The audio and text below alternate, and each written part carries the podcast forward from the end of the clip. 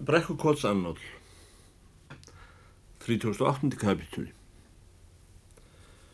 Söngur í domkirkjunni Þegar ég kom aftur með rjómakökurnar hefði Garðar Holm lokið að raka sig. Lilla frökun Guðmún sem var farin. Söngvarinn satt við skrifborðið nýðursokkin að reikna saman tölur á lítil blöð. Hann varð mín ekki var fyrir neftur góða stund eða gæti ekki slítið sig frá reiknunum. Loks stakkan útskrifuðum brefsnutunum í vasasinn og snýri sér að mér í sætinu. Bronsið kom og harf. Það sagði Ég hef ráðið nokkuð við mig á þessum mínútum síðan hún fórst í bakræðið. Ég er að hugsa um að halda sérstakann konsert á morgun. Já, það er búið að segja frá því í blóðunum. Afmæli Guðmundsens búðar í Gútanflárhúsinu, sagði ég. Já, ekki við það, sagði hann. Ég ætla að halda annan tónleik fyrirpartin. Kirkjutónleik. Hann verður fyrir bóðskesti. Fyrir mína bóðskesti þá sem aldrei myndu láta sér til hugar koma að stefja á búðarskemni hjá Guðmúnsen. Mig langar að byrja þið aðstóða mig lítils áttar við þennan konsert. Þá þarf líklega að hafa fyrrafallið á að bjóða gestum, sagði ég. Í dag bjóðum gestum, sagði hann. Og ég geri út um lánið á kirkjunni þann sér að Jóhann. Madama Strúbenholz er náttúrulega til taks, saði ég. Ég er að hugsa um að byggja þig að leika undir hjá mér, saði Garðarhólum.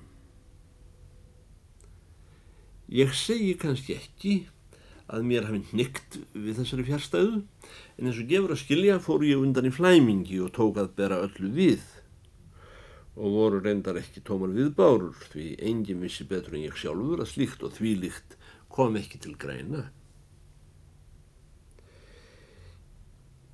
Ég hef valla komið nála hljóðfærum dagana nema orgelskriplinu þínu gamla í ringjarabænum, saði ég. Til skamstíma hafa suma nótunar á því ekki eins og tekið við sér.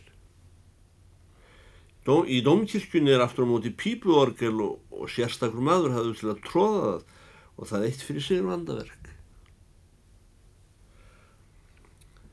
Í skrúðhúsinu er vist að þægilegt hljóðfæri hand okkur, saði söngvarinn. Það þagði önnur hún nóta í því þegar ég var strákur, við skulum vona hinn helmingurinn því taknaðu núna. Svo drungalega gaman semi um tónleik af hálfu tónleika mestarans gerði mig orðlöðsum. En það síndi best einfældni mína að ég skildi ekki fara að hlæja í staðis að reyna að afsaka mig með rökum. Alheim söngvarinn leit á mig og brosti enn þessu sérlega brosi sem eftirvill var úthverfan á andstæðu sinni. Kondu við henni móður minni um leið og við gengur heim til þín og segðu að hún sé bóðin á konsert í domkirkjunni fyrir að málið þaðan. Ég kem og sæti hana. Þegar ég fór heim til mín um morgunin í öfnu báðu Þá gekk á undan mér gamal síðskekkur og rekti pípu.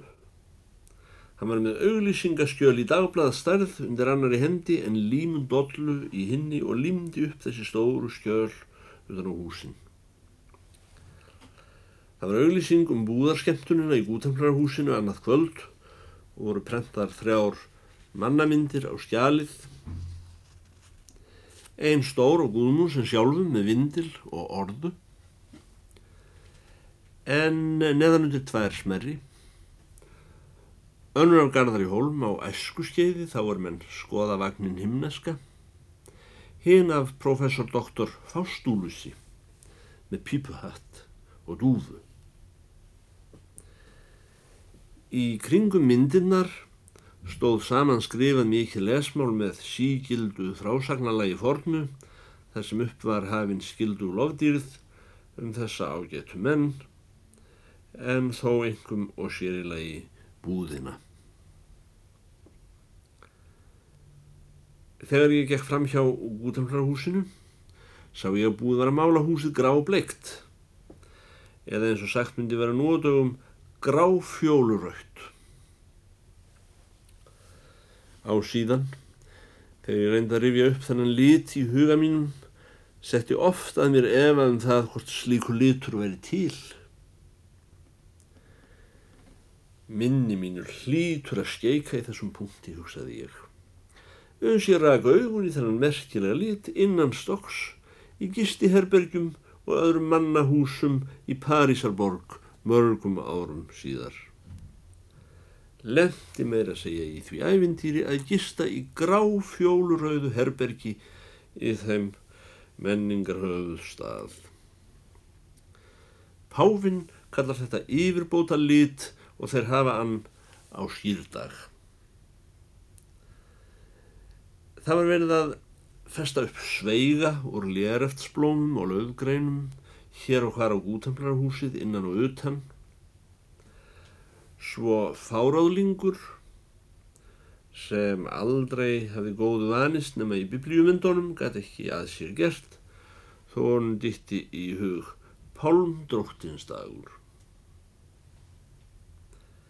Það var í verkarhing mínum, eins og fyrir segir, að líta í afnan til með henni Kristín okkar í ringjarabænum kvölds og morgna. Engum eftir að hún var orðin ófrá af elli sökum og byluð og sjón og herr. Að þessu sinni átti ég við hana skapnaðar erindi meira en réttaðinni fisk og mjölk. Þú ert alltaf alminlegur barn, saði konan. Drengurinn minn er gengin hérna fyrir stundu og hann myndist ekkert á söngskemtun í kirkjun. Já, það er nú svona samt, sagði ég. Þetta verður söngur fyrir sérstaka boðskesti hans sjálfs, þá sem eiga ekki samstöðu með gestum búðarinnar. Já, það var okk, sagði konan og fór að hugsa. Hann vill náttúrulega sína yfirvöldunum allt, að því þau kostuðu hann með allt upp í hundra krónum á ári þegar hann var að læra til söngmanns. Kanski vill hann líka syngja fyrir hann á móður sína, saði ég. Hún svaraði. Já, hann fer svo sem nærum það, hann Georg minn. Það hefur lengi verið minn vondraumur að fá að heyra hann syngja.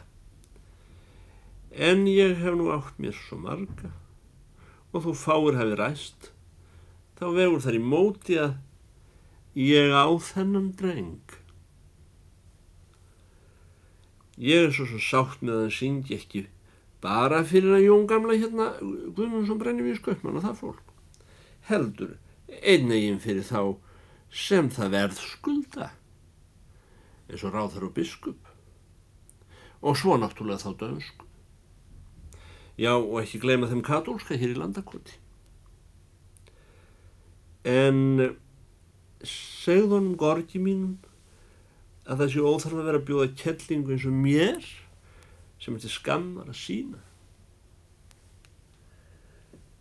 Ég var lengi að ráfa kringum Ringjarabæin upp í kirkjugarðu og upp á túnum. Og það var yfir mér einhver deyðardrungi og ég fór að öfunda nokkra hesta af því þeir þurfti ekki að leika undir á söngskemtun í fyrramálið. Heldur gátt heldur áfram að býta ætlan sé ekki að gera ganni sínu hugsaði ég. Eða skildi hann einhvern veginn ætla að ná sér niður á mér fyrir að ég hafði óvast og óviljandi lent hjá heitkonu hans sem hann var komin í landi til að sækja? Var hann eftir vil statur á flæðiskeri í lífi sínu var farið að flæða að honum og um, var það kannski ég sem hefði hann út í skerið. Ef svo var, hver leið var út úr þeim voða sem ég hafði ratað í. Nú skildi ég loksins þá menn sem taka upp á að fyrirfara sér til þess að verða undan döðan. Ég kom aftur við hjá Kristínu gamlu undir kvöld þar sem hún satt á þrýfót með upplátin augu sem blind, þakklátt af sonar einninni. Þegar hún skinnjar mig koma, segir hún, Guði sér lof, þú komst barn eins og ég þurft að finna þig. Hvað er tíðinda? Og ætli það sé margt, segi ég. Stendur ekki bærin á öndinni, saði gamla konan. Það tel ég upp á, saði ég. Ég var alveg svo sein að hugsa, sagði hún. Ég myndi ekki fyrir hún var komin út frá mér í dag að ég þarf að byggja þig um lítilræði. Það góður að hommenska að gefa söngmannum blóm. Nú þó ég sé svona lítilfjölu eins og allir vita þá ætla ég samt að byggja þig að týna fyrir mig blómhandónum og láta þau standa nærrónum á morgun þegar hann fyrir að syngja. Og vík ekki að því við hann hvaðan þau eru komin. Hann heldur þá kannski að þau komi frá einhverju góðri og mikilli konu. Ég get ekki sagt að sjálfur undirleikarinn tilvonandi hafi haft öllu glegri hugmyndur um söngskjemtanir en um Kristín Gamla í Ringjarabænum. Ég hef ekki einu sinni gert mér grein fyrir því að blóm þyrsti til. Blóm voru mér á þeirri stundu fjarlæg hugsun. Það er komið langt fram á einjaslátt og farið að hausta og blóm laungu útsprungin á fallin, sagði ég, nema kannski baldimbrá og þvíumlikt sem talið hrillgrissir. Og segi, segi, sagði gamla konan, það eru til júrtir á víðavangi sem standa með góðu blómi langt fram eftir engjaslætti. Mjæðarjúrtin er ekki annað en ilmandi frjókotnin um þetta leiti. Eða fjalltala fývillin dísæti livrauði sem neyir sig svo vel þegar álýður sumar og hrútaberjalingið með hrútaberinu sem er skjærst af öllu rauða á Íslandi undir höst. Og þá held ég beitilingið sé ekki amalegt í sláttu lók. Það verður að fara langt upp í sveit eftir slíkum blómum, sagði ég, og til þess vinst ekki tími. Ég er vissum hún ammaðín í brekkunkoti, lánar þér hann grána að þú skreppur fyrir mig, sagði konan. Það er falleg hlýðarbrekka hjá vatni á einum upp í Mósfellsveit og tvær áttir á vatninu. Þar í brekkunni vaksa blómin. Ég gekk þar einu sem því var úlengur. Er ekki hampa minna Kristín mín að týna nokkur blóm hérna í kirkugarðinum til dæmis á leiðinans Gabriel Sáluga höfuðengils eða einhverja annara útlendinga sem eru dánir fyrir 50 árum og eiga umhvað afkomendur og lífi hér. Ógnar að heyra til þín bann, saði konan. Ekki strá úr kirkjugarðinum, segi ég, ekki baldimbrá. Það verður reknað okkur. Kirkjugarðurinn heyrir frelsarann til einum. Eru ekki einhver svolítil blóm á leiði ringjaran sáluga, spurði ég. Já, það eru blóminn fingjaran, sagði konan. Blessaður fingjarinn vildi aldrei sján í heyran, gorg minn. Þau blóm látum við kjur. Ég komst ekki undan því að lofa tínanir rétt blóm og hún sagði, hafðu sæl lofið með þessu. Svo ætla ég að byggja þig, sagðun, að finna spari pilsi mitt Það hangir þannig í hodninu undir forhinginu. Ég komst nú aldrei svo langt að eiga stakkpeisu og þaðan að síður upplut því ég var aldrei annað en ráðskonan ringjarans og þurfti þar af leiðandi ekki að sitja í kirkju á þeim stað þar sem konanans hefði setið þann átt nokkra.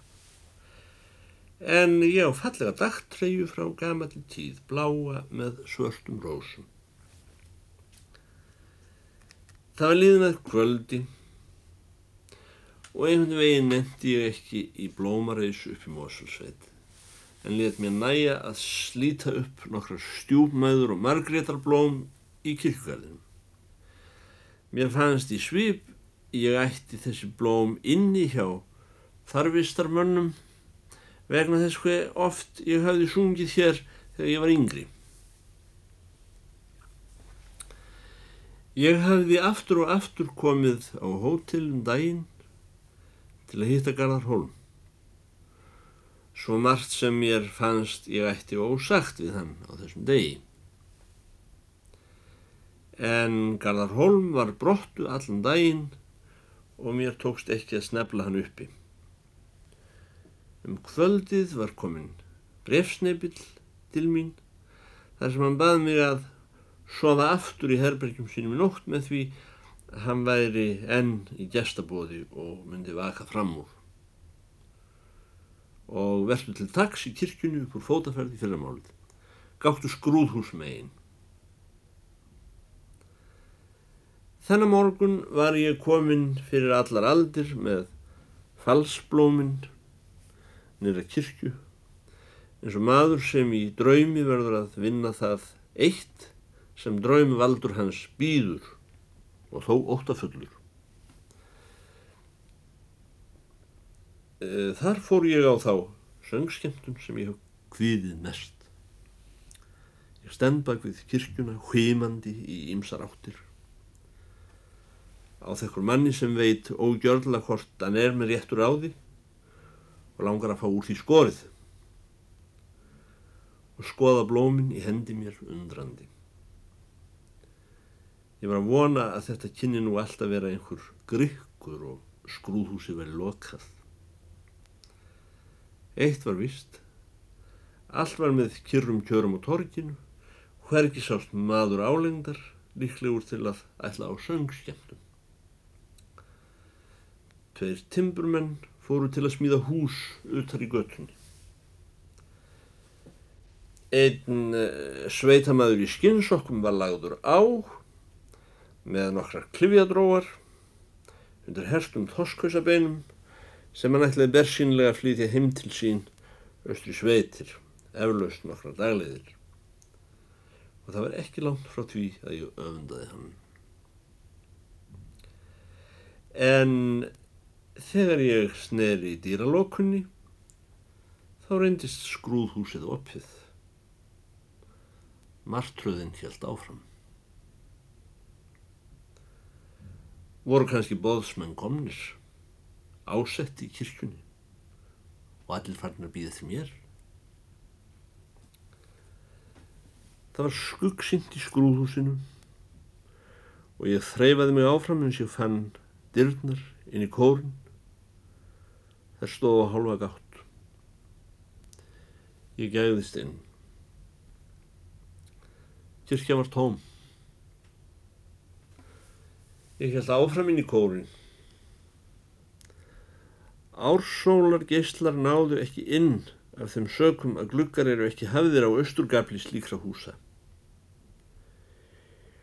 Inni var litlaus byrta, glær og dapurleg með endur skíni frá gljá skurmuðu lofti, veggjum og bekkjum. Það myndi á glit í þjörfu vatni undir skíðum himni. Þessi tómlega byrsta fjall á gullleita upprísumynd lausnar hans yfir alltarinu. Ég stend með blóminn í þöglum góri domkirkjunar fram með gráturnar og litast um. Og viti menn, stendur ekki þarna ríkfallið orgelskribli og hefði ég þó í lengstu lög verið að vona að tilvera þess hefði verið að kynni drauma. En svo mjög sem ég dismaðist yfir þessum orgelhjalli sem ég varði ekki hót um, hver miklu furðulegra var þó ekki hitt að ég skildi standa hér sjálfur. Ef einhver skildi nú sjá mig hér. Ég flýtti mér að láta blómin á gólfið eins og þau kemur mér ekki við. En þá dætt mér í huga golf veri engin staður blóma. Ætli ég ætti ekki heldur að leggja þau á grátunar. Eða þó alltarið. En hvað mundan sér að Jóhann segja ef hann kæmi að þessum blómum á alltarinu sínu? Því hann myndi eflust þekkja þau og vita að þeim hafi verið stólið. Ég tók aftur upp blóminn á gólfinu. Ég stend enn með þau í hendinni að mér finnst þegar ég skrifa þessa línur áratugum síðar. Ég man ekki til að ég hef nokkru sinni losnaði blómin. Hvað á ég að láta þessi blóm? Hvað á að verða af þessum blómum? Það var fordir í kirkjunar, lokið upp og ingangat fyrir gestir. Prúðbúinn glæsilegur herramaður í brotti lífsins við hlið honum fátæk gömul kona. Hann leiðir hana inn kirkjugólfið. Hún dregst áfram á dopnum bröðfótum sínum og hallast öll að síni sínum til að ná af honum styrk sem þarf til þessara göngu. Hún er í fellingapilsinu sínu og dagtrejunni og er bundið yfir sig sparið þrýhinnunni síni. Hún orðin lítil aftur með þeim hætti sem gamalt fólk rýrnar. Tilsýndar ekki óþekkt telpu sem hafi tekið máttleysisveikina. Og andliti hennar þessi blindu svipur og deyfu sem veit að öðru ljósi. Garðar Holm stíð fram með öllum tilburðum fræðarmannsins, list keisarans sem byrtist í hásölum þalíu undir þúsundföldum augnatillitum göður af vandlátra áherenda. Aug þess umleikin sérstakri aðdáun, viðkomningar fullra gesta fyrir að leiða við hlýði sér þessa fátæku alþýðu konu móður sína.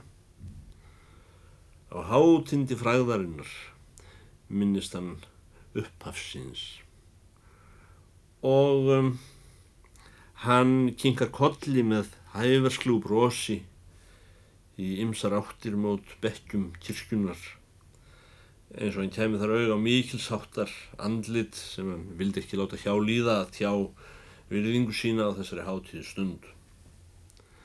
Þar voru og í meðal þeir gestir að ekki dugði minna en spyrna við fæti á kirkjugólfinu miðju til að slá saman hælum og lúta og gamla konan held áfram að styðja sig við svonsinn þar sem hann staðar á gólfinu og laud stórmennum. Hann eh, leiðir móður sína innar eftir öllu kirkjugólfi inn í kórin að stóli sem hefur verið látin upp við grátunar.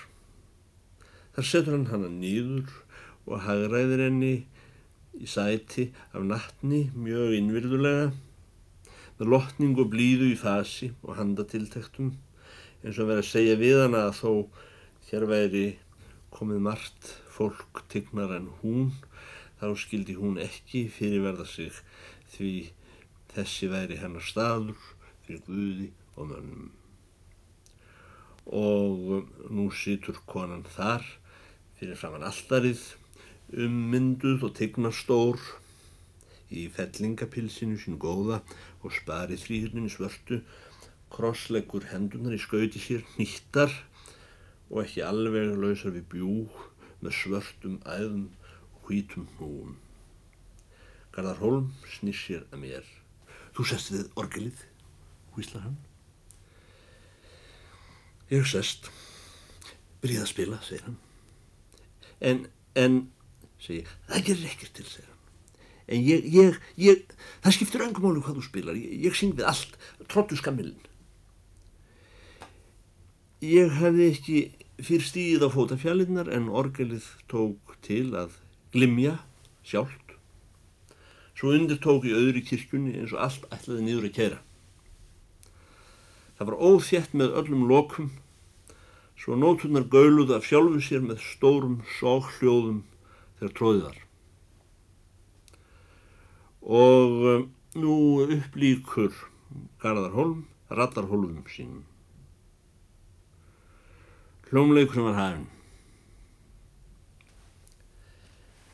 Ég vil enn ítrekka það sem ég hef oft látið líka að á þessum blöðum að ég er ekki maður til að útmála með réttum orðum verk Karls Holms. Við vorum borðnir og barnfættir sinn hvort megin við sama kirkjugarð og um, höfum æfinlega verið kallaði náskildir menn og margir rugglað okkur saman, sumir með öllu færið manna vilt á okkur. En jafnvel þó svo hefði ekki verið. Bæri mér að varðveita í umræðu um þessa dýrlingsmynd æskuminnar þá kursteysi sem hver maður skulda sjálfum sér eftir dæmi hins enska meistara er hann segir svo í 3009. sónhætti. Ó bæri til þess gæðu að hveða af kurt, það hvæði er þín minns betra háls sé verðt.